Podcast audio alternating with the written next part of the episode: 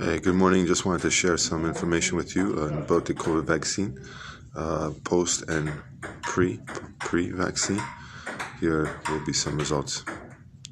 Fairly good, optimal for a soccer player. Throw three.